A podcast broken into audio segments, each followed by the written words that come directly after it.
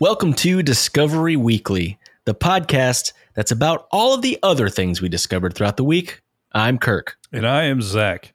And this week I discovered a very, very upset 90 year old. No. So you might have heard something about this. There were two ads placed in the Wall Street Journal on February 3rd, and they are about $10,000 to do that. And it is literally a 90 year old man raging at AT&T. And he, he paid $10,000 to do this. His name is Aaron Epstein, and he has been a loyal AT&T customer since 1960. But his internet service just wasn't doing it for him anymore. He said, "I kept calling AT&T. When are you going to give us faster speed?" They said, "It's coming, it's coming." But what really made me angry was they started putting ads in the paper and sending emails and putting ads on the internet saying, "Try our faster speeds." But the faster speed wasn't available in his area. So I'm guessing he's talking about fiber optics. yeah. So he starts getting pissed off. And what he ended up doing was taking out ads in the Wall Street Journal, and they were titled "Open Letter to Mr. John T. Stankey, CEO AT&T," and ended with the question: Why is AT&T, a leading communications company, treating us so shabbily in North Hollywood? And he literally put put one ad in Dallas, Texas, to get like he wanted it in like the executive area. So I guess their executive offices are there Oh, and then he put God. one in New York to mess with the investors, like so the investors of uh, the Wall Street Journal or of AT and T would see it. Um, so everyone obviously saw it. Everyone saw a man take out a private ad in the Wall Street Journal to yell at AT and T, and they started calling him. Um, he he received a call from AT and T the same day he ran the ads. I, I believe Uh, it. No, I believe it. This sounds like a like a nightmare for AT and T. To be completely honest. Yeah. He they said we're going to see what we can do for you. And he figured they'd put fiber optics in his area and that's going to help out everybody in the neighborhood. Um and basically when they went back to him, he said that the money he spent might have gone to his annual vacation, but he considers it money well spent. With the response I'm getting, it's accomplished my goals, he said. The money we could have spent for other luxuries is going to something that's also giving us pleasure. oh, and they had to say they had to make a public statement about this. Uh, so, like the last line of this, an AT and T spokesperson said in a statement that the company continually enhances its networks and invested 3.1 Mhm. billion in the Los Angeles area from 2017 to 2019. Epstein says if they don't speed things up, he might consider taking his business elsewhere. I just love that there is a crotchety old man who has been uh, apparently he's been with AT and T since the '60s. So like that's a long time, but yeah. uh, like 60 years, and you're gonna ignore this dude. But yeah, he's still on the fence. We'll see. We'll see how they do. No, that's great. I actually listened to. I think it was an episode of Reply All. Everything feels like it was a Reply All episode now um, to me, but it was about internet. I think think it was in New York, and how like the government made a a deal with Verizon that they were going to be the only ones to do FiOS in on the uh, in, in the, island. You know, the the Manhattan downtown, um, and they made this deal. It was this giant, you know, deal, and they started advertising everywhere, just like you said. Like everyone was getting ads for this high speed internet, and no one got it. Like no one got internet, like at all. And it was just like this ridiculous thing, and it's it's it's the thing is like these. That's the problem with American internet and why it sucks so bad is because there's these monopolies because the government's made these deals with these monopoly companies and they there are no other options. So Mr. What's his face, you probably have like one more option and it's probably worse than AT&T Yeah. and that's it. So there's not a competition. There's no competition to play off of each other very much anymore. Yeah, there's a lot of, and they've taken, I I think, billions with a B in tax dollars to expand the, the because high speed internet until 5G actually gets good is going to be fiber optics.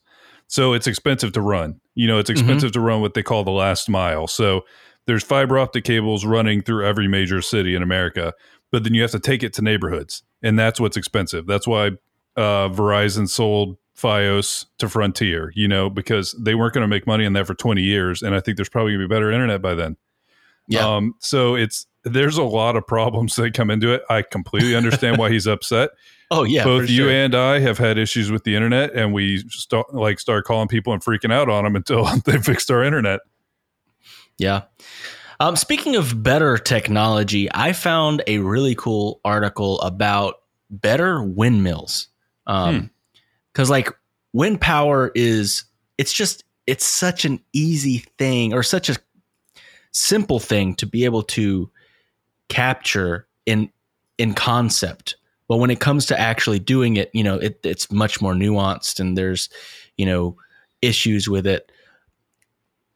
So I found this article and it talks about some really cool technologies that they've innovated that hopefully will be like game changing for the wind energy.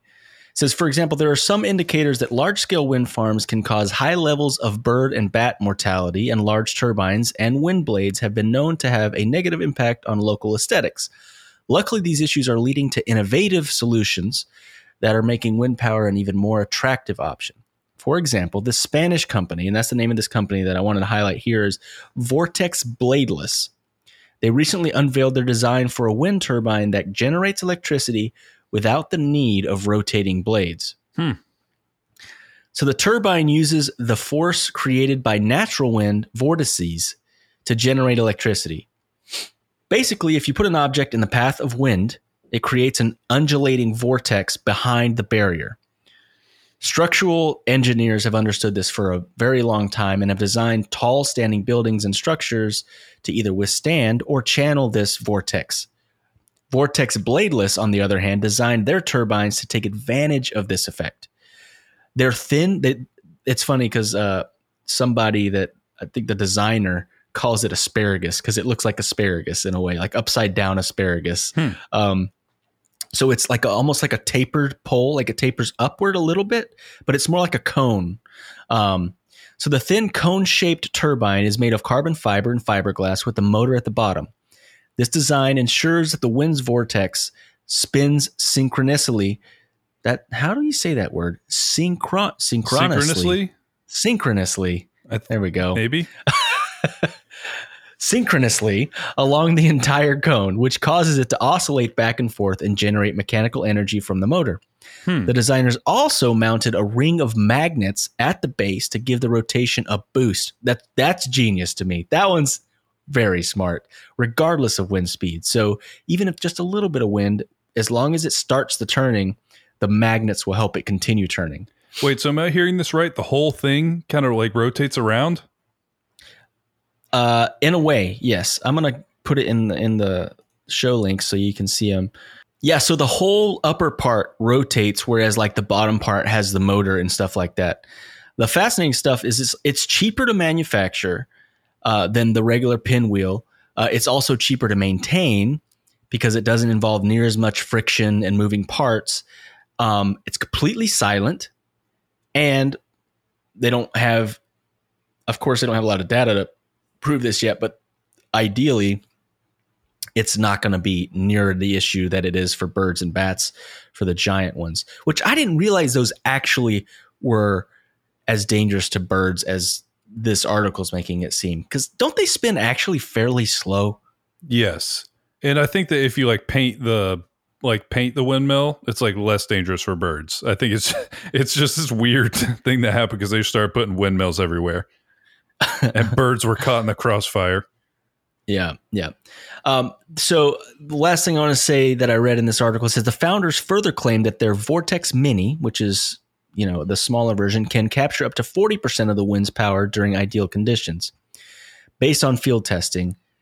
They admit, however, that that is thirty percent less effective than conventional wind turbines, but it can be easily compensated for by the fact that you can put double the amount of vortex turbines in the same space as a propeller turbine and it's not nearly it, it almost looks like a just a giant pillar in the in the desert or wherever you've got these things um, you can put some nice rgb lights on it uh, and then you got like a little lights. you got yourself a, a Got nice rave art in the installation and exactly you know you know now now you've got a tourist attraction and Yeah. electricity at the same time Yeah, I when they say that it has no sound, I find that hard to believe. Like, how is that possible that they're all moving around and it's silent? I don't know. That's interesting. I like the I like the push for renewables though. That's a cool thing. Yeah, no, I think that it's uh, it's fascinating. I think that there's, I think there's finally going to be some innovation in this space, and I'm hoping that it can really make a difference because it's going to be. We should move forward, uh, not backwards. Yeah. So, I discovered maybe one of the the best bartering systems I've ever heard of. and this was actually um, I'm I'm reading a transcript of Planet Money, so NPR show, great show. Oh yeah. Um, but what they were talking about here is illegal animal trades. So there was one time where they found a damaged crate at JFK Airport, and an employee looked inside and saw animal skins, a lot of them, and so they called the feds, and there were a hundred thousand illegal pelts in there from all over the world from South America, Asia, everywhere leopards, jaguars, pumas, all of that stuff. They do the calculations and they said that one tenth of the world's cheetah population is there in pelts. What? Yes. That's ridiculous so, and horrible. Yes. So they saw that and they're like, apparently everyone was horrified because, as you should be, that's ludicrous. It is horrifying. So that's what happens when you can buy and sell animals. This is a quote from the article or from their transcript. Not long after, they signed a global set of restrictions on the trade of endangered species. In the US, the Endangered Species Act passed the same year. Now, um, you cannot buy an animal without a permit. So if you buy and sell endangered animals, you must be permitted. So you have to go through a federal process and get the right paperwork. Otherwise, you are doing it something extremely illegal. But here's the part that I loved there is one type of place that has found a way around this and not like a bad way, a, a great way. Aquariums have found a loophole because they barter. So, in general, for the most part, you know, because ever since everything happened with blackfish and everything like that, people have stopped doing orcas and things that are endangered and they've just kind of avoided it. But in general, the aquarium is something where most of them are not endangered. And so mm-hmm. aquariums mm-hmm. can literally go out and like catch what they need to catch and like put it in there. But if they can't do that, they barter. And apparently this is something that is very common in aquariums. So they're talking about the New England Aquarium, which is in Boston, and they have this giant tank there and they have tons of jellyfish. And so hmm. the New England Aquarium, their main money is jellyfishes. That's like that's like their that's their trading currency is a jellyfish, and they have. I don't know if I like that or hate that at the same time. Why? I, I, I it's for know. other aquariums just so they can have yeah. jellyfishes in their tanks. Yeah, I guess. But yeah, so they have their basic unit unit of trade in Boston is a jellyfish. And so they barter hundreds of jellyfishes all over the place. Um, so basically there's like tanks just growing growing jellyfish. And all of these people are doing it and you just have to figure out what you're trading. You know you have to figure out what you need and then what they're going to want for that. So there's an example here that i want to basically just read you because it's ridiculous. So here's how it works. Recently the curators had this eye had their eye on this beautiful species of fish. Oh they wanted it they wanted it bad. It's known as the look down fish. It's a silvery schooling mm-hmm. fish with very unusual physiognomy. I'm hoping that's right. Its forehead, physiognomy. nope, not fish. Its forehead is radically sloped, and their eyes are perched right at the edge of the plane, and they look like they're looking down. So they had to figure out how to trade this. Now, an aquarium in North Carolina had these guys, but North Carolina wanted more than jellyfish because that's all Boston has. Apparently, they just have jellyfishes. North Carolina wanted snipefish, so Boston had to go find the snipefish which came to us from Japan that were the results of a trade for lumpfish. Boston threw in oh some grunts, gosh. and in the end, we got look downs, plain head files, and some burrfish. So it's this whole, it's like baseball season where you're doing a three team trade and there's random pieces going everywhere, but it's all fish. They, because if you trade them, you don't have to get a permit because they're not buying them. There's no money involved. They're not endangered. They can just do it. And you and I thought bartering was dead. You know, apparently it's very alive in the aquarium business. Yeah. Okay. Here's here's one more, and, uh, and then you get the point. I would say the trading a school of mackerel for a flock of puffins was one of the best trades that we in New England aquariumites has managed to do. How many puffins and how many mackerels? They said they got a good dozen of puffins. It was at least a dozen. And how many mackerel? You said 800 mackerel. So it's just like this weird, crazy many world mackerel. where, like, how do you lock that in? Was there a conversation between like department heads at aquariums be like, no, we're not taking anything under 500 mackerel. You can get out of here with that garbage offer. I don't know. It's all just ridiculous. Yeah, no, that's that's great. So both of my discoveries this week are about technologies that I thought were freaking crazy that I found while looking for stuff for tonight. This one actually blows my mind. I liked the windmill one. I think that was really cool and it's innovative. This one I think is like what? It's it's just crazy. So they've come out with a new form of glass, but it is not made out of anything that you would probably think that it was made out. of. If you had to guess what you think they're going to make glass out of, uh, if you have, it, I don't know if you saw it already. I haven't in- looked at your article if that's what you're asking. Good. What do you think they would try to make glass out of? That's a natural material. Soy.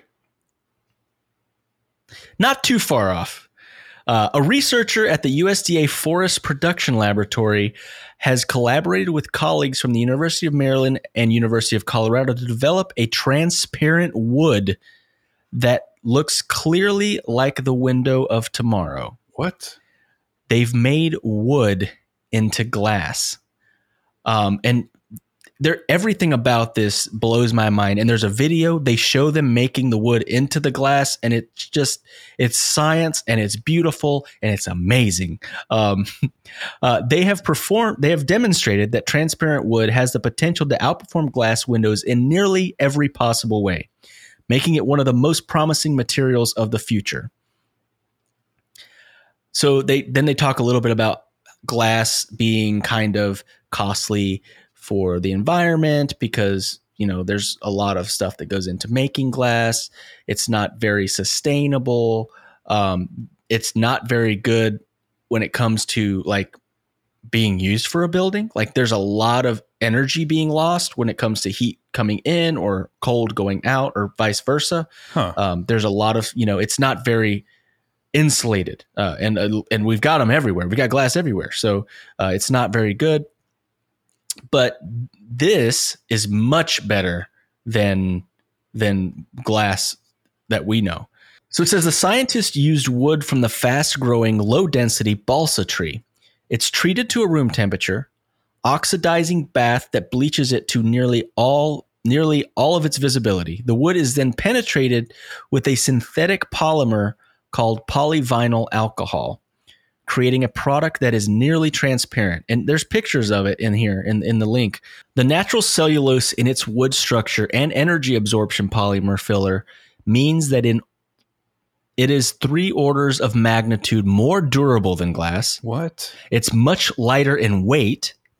It can withstand much stronger impacts. And unlike glass, it bends or splinters instead of shattering. Additionally, the transparent wood is a sustainable material, so you can just literally grow a like a, a forest of it and cut it down to make the glass out of it, and then replant it uh, with low carbon emissions and an ability to biodegrade much faster than plastics. It's made from a renewable resource that is also compatible with existing industrial processing equipment. So there's no new processing equipment you got to make. It's just using what we have right now, making the transition to manufacture of this a very easy prospect. With all of these potential benefits for consumers, manufacturing, and the environment, the case for transparent wood couldn't be clearer, I was waiting according to this article. Had to be. no, but but look at look at the picture. I mean, it's it's beautiful. It's crazy that they've that's a piece of wood that they're that, That that is is- glass. That is mind blowing. And um, when we get time, watch the little video on there because it shows how they literally take a piece of wood. It's just a little square. They literally are dipping it into this like test, not test tube, but like a beaker, just like we have at work. And it's got whatever solution it, it that it makes it transparent, and it works. And it's transparent, Hmm. but it's wood. and then they show like them hitting a hammer with one of these things, and then a piece of glass, and it's one is not damaged at all, and the other one shatters into a million pieces. yeah, and I mean it's balsa wood, so it it's literally not a big deal. Yeah, that's it. It seems like why isn't this taken off? You know, I mean, it could have just happened, but like I feel like if it's just better than glass in This every was way, written in October of 2020, so it's not that long ago. Yeah, for for, so- for production at least. So yeah, I think that that is a great move. You know, I think that why not? If it's better than glass in every way, and because I, I do think I remember reading that they were having some issues with um, glass from sand because we're having a shortage of that sand for microchips too. Like There's use, there's a sand a sand shortage in the world yeah. right now. So it's Um, like because it- of glass and because of concrete. You wouldn't think of it, but concrete is the biggest use of sand. Um, everything in the like everything that's built has concrete in it, pretty much. yeah. So we need to find a new solution for concrete, so then we can make sure we have our computer chips. That's what we need more than concrete. Yes, So I have another feel good story for you. Nice. I found a pretty cool YouTube channel. Um, it's called Grandpa Kitchen, and Grandpa Kitchen is by an Indian YouTuber who uh, he did pass away like two years ago. But don't worry, it's not. It's not. Sad. It's sad that we lost somebody amazing, but it's not a sad story. Um, his name was Narayana Reddy, and he has a YouTube channel that is purely devoted to him cooking absolutely insanely large meals outside. Literally, like he has, I don't know, several hundred eggs and makes like an egg dish. He has 12 chickens and makes like a chicken fried rice thing. It's literally like as big as like five people wide. It's My gigantic. goodness. But the reason why he did that is because that food was going to orphans. So he would make What? these gigantic Aw. me- meals to feed orphans. And then he also started Grandpa Kitchen because all of the proceeds from the channel also went to help local orphans and underprivileged people living in their like their area. That's and amazing. so he literally has this whole catalog of making these giant meals. And there's something, it's one of those things that's like it's visually interesting and like it's it's satisfying to watch him do it. But then you find out like everything that he's doing, and he would just contribute to like the local pop like population as much as possible. And then once his channel started to take off, and his channel was literally just him cooking for the orphans. And then his channel started taking off, and all of his family members would like kind of quit their jobs and go work with Grandpa Kitchen. And so they would all start working with him. They would all keep making more food. And as the channel took off, they were able to donate more money to orphans. And unfortunately, Grandpa Kitchen did die, but all of his grandchildren have now taken over the videos. So there's like three grandkids that he has on there that are essentially running Grandpa Kitchen now because they're doing the same thing. And it's just really, it's a really, a pretty cool thing. And they have a Patreon that essentially is uh, the same thing. Basically, um, here, I'll, I'll read you their, their kind of thing. We operate a YouTube channel called Grandpa Kitchen. We entertain people by cooking food and donate the proceeds to charities. Our goal is to provide basic necessities like food, clothing, school supplies, and birthday gifts to the orphans. Thank you for your support. And yeah, so it's uh it just feels good. So if you want to watch a YouTube video and you want to also do something that's kind of cool at the same time, go check out Grandpa Kitchen. Pretty cool idea for a show. Pretty amazing. That that people. is amazing. That is amazing. Well, all right, man. That was some really awesome discoveries. I liked all of them. I mean, the jellyfish, and then Grandpa Kitchen, and wood out of glass. Like, who would have thought? That's backwards, The- but the- yeah, who would have thought it? The the old man that like hates AT and T but loves him at the same time. Oh man. Yeah, he clearly cares for him at some level, but they're just making him mad. Uh it's great stuff. So yeah, that was a great episode, and I'm I'm looking forward to what we discover this week. Um, and remember, they're making glass out of wood, guys, and that's crazy. And also, you can buy a jellyfish and use it as a currency. Nope. Nailed it. Bye, everybody. Bye.